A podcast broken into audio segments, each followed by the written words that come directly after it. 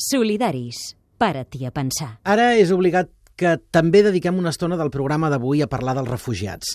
Aquesta setmana els hem vist intentar creuar Croàcia i com a la República Txeca hi ha hagut denúncies perquè a molts d'ells se'ls tanca i se'ls aïlla en centres semblants al CIE d'immigrants que tenim aquí a l'estat espanyol. Alhora que les ONG i l'ACNUR ja posen l'alerta en l'arribada de les pluges i del fred que els castigarà encara més aquest hivern. Doncs amb l'objectiu d'aprofundir en les causes d'aquesta onada migratòria sense precedents en el darrer segle, avui parlarem del Iemen, país d'origen de molta d'aquesta gent. I ho fem a proposta d'algú que avui torna als solidaris. Te vou contar uma história de um senhorita que estava de uma dona ia Saí de casa, na merda, deixa ser papel mamãe Deixa ser se terra tem pica Tinha sapato, que tinha riqueza. Ali agora é um senhor aqui da mala Tá desmada de que todo mundo vive no seu rosto Fazer cigarra, dona rainha de quinta Dani Vilaró, ben tornat. Què tal? Com estàs? Aquí estem. T'anava a dir com han anat les vacances, però queda lluny, Ja això. queda molt lluny, molt lluny, no m'ho preguntis. Aquesta temporada, igual que va fer la passada el Dani Vilaró, expert en drets humans, tornarà a posar sal a les ferides del món perquè ja se sap que quan couen les ferides és quan tenim aquella senyal de que cal, cal una cura, I tant, eh? i tant, I i avui tant. proposes el Iemen.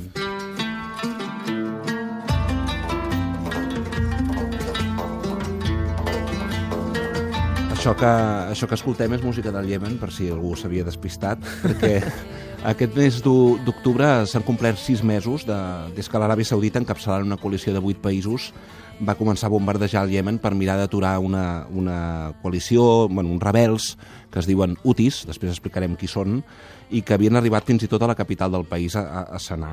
El balanç del conflicte no, no pot ser més tràgic, portem sis mesos amb, amb, amb molta destrucció, milers de morts, centenars milers de desplaçats, mm. alguns dels que estan arribant a Europa també són iemenites, Sí.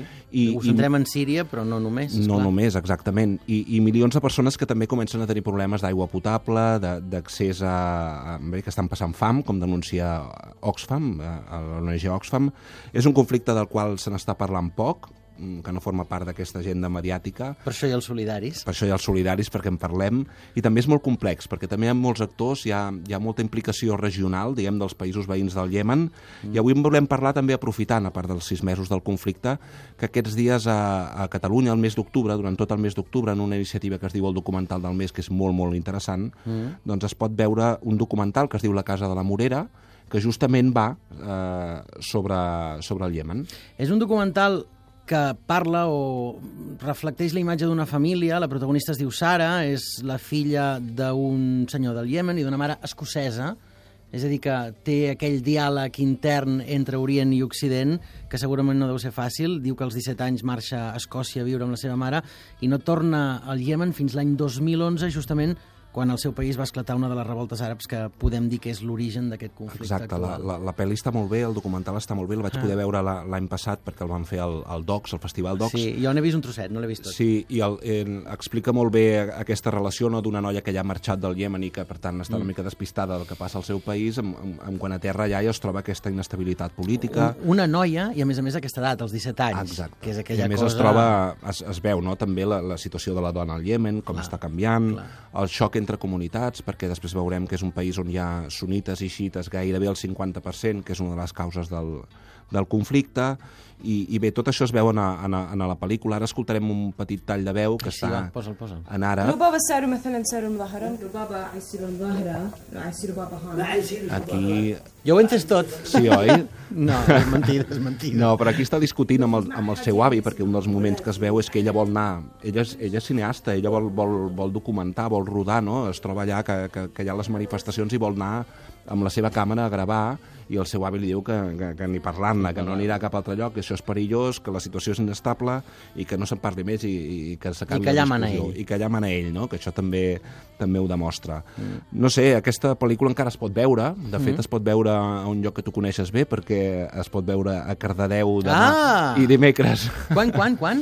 Demà, demà es pot veure a Cardedeu a un lloc que es diu el El Tarambana. Trambana, un clàssic. A Cardedeu, totes aquestes coses, si hi ha un espai al poble on es fa mobilització social amb molt de respecte, amb molta consciència i amb una empenta tremenda és el doncs, Tarambana. mira, demà, demà diumenge es pot veure i, i el dimecres. I també es pot veure a Barcelona encara dilluns, al Teatre de Sarrià, dimarts a la bibli- a la Biblioteca de Vila Piscina.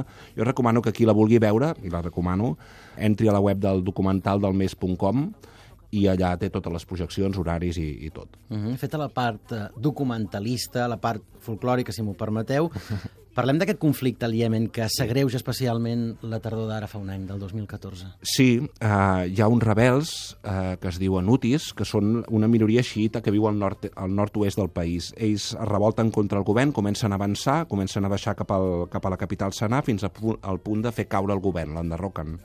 A partir d'aquí, mm, al març, que és això que ha fet ara sis mesos, comencen uns bombardejos liderats per l'Aràbia Saudita amb una coalició de nou països, entre els quals hi ha eh, Bahrein, Qatar, els Emirats Àrabs Units, Egipte, el millor de cada casa, T'anava a dir quines perles, totes.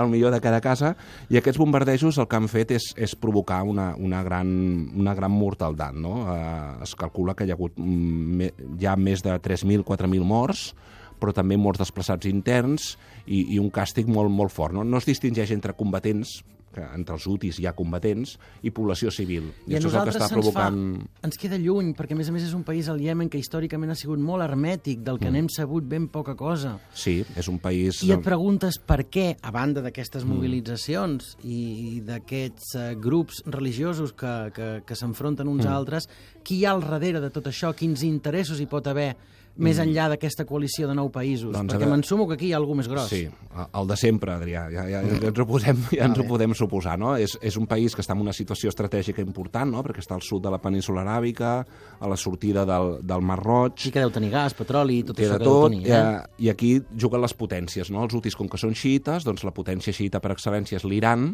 que és qui dona suport als UTIs, i el govern del Iemen té el suport d'Aràbia Saudita, de tots aquests països que he esmentat abans, de, de Bahrein, Qatar, etc, i també d'altres actors com Turquia i els Estats Units, que estan armant eh, Aràbia Saudita i altres països europeus, com, com veurem després. I, i per amanir-ho tot, ja per acabar de, de liar-ho tot, també hi ha una branca local d'Al-Qaeda. Recordem que, el, que aquesta branca d'Al-Qaeda del Iemen va ser la que va atribuir-se l'autoria intel·lectual, diguem, de, de l'atemptat de Charlie Hebdo.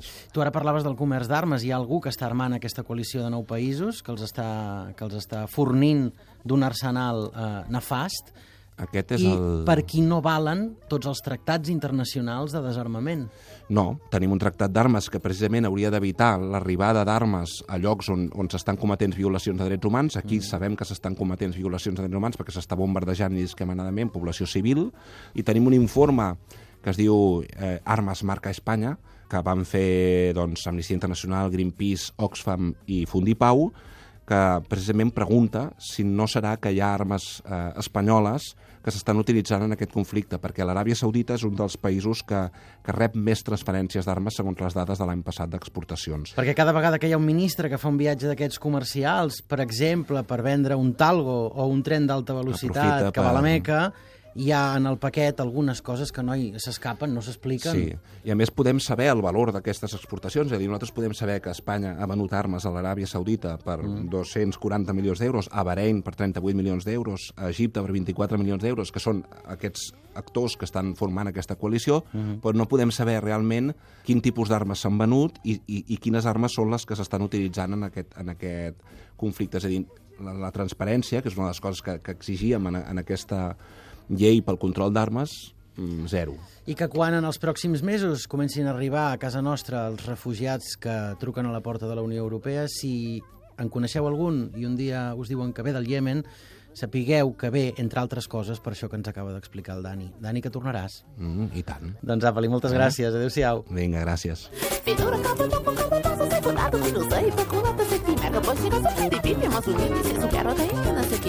A Facebook, a Twitter i a catradio.cat, Solidaris, amb Adrià Bas.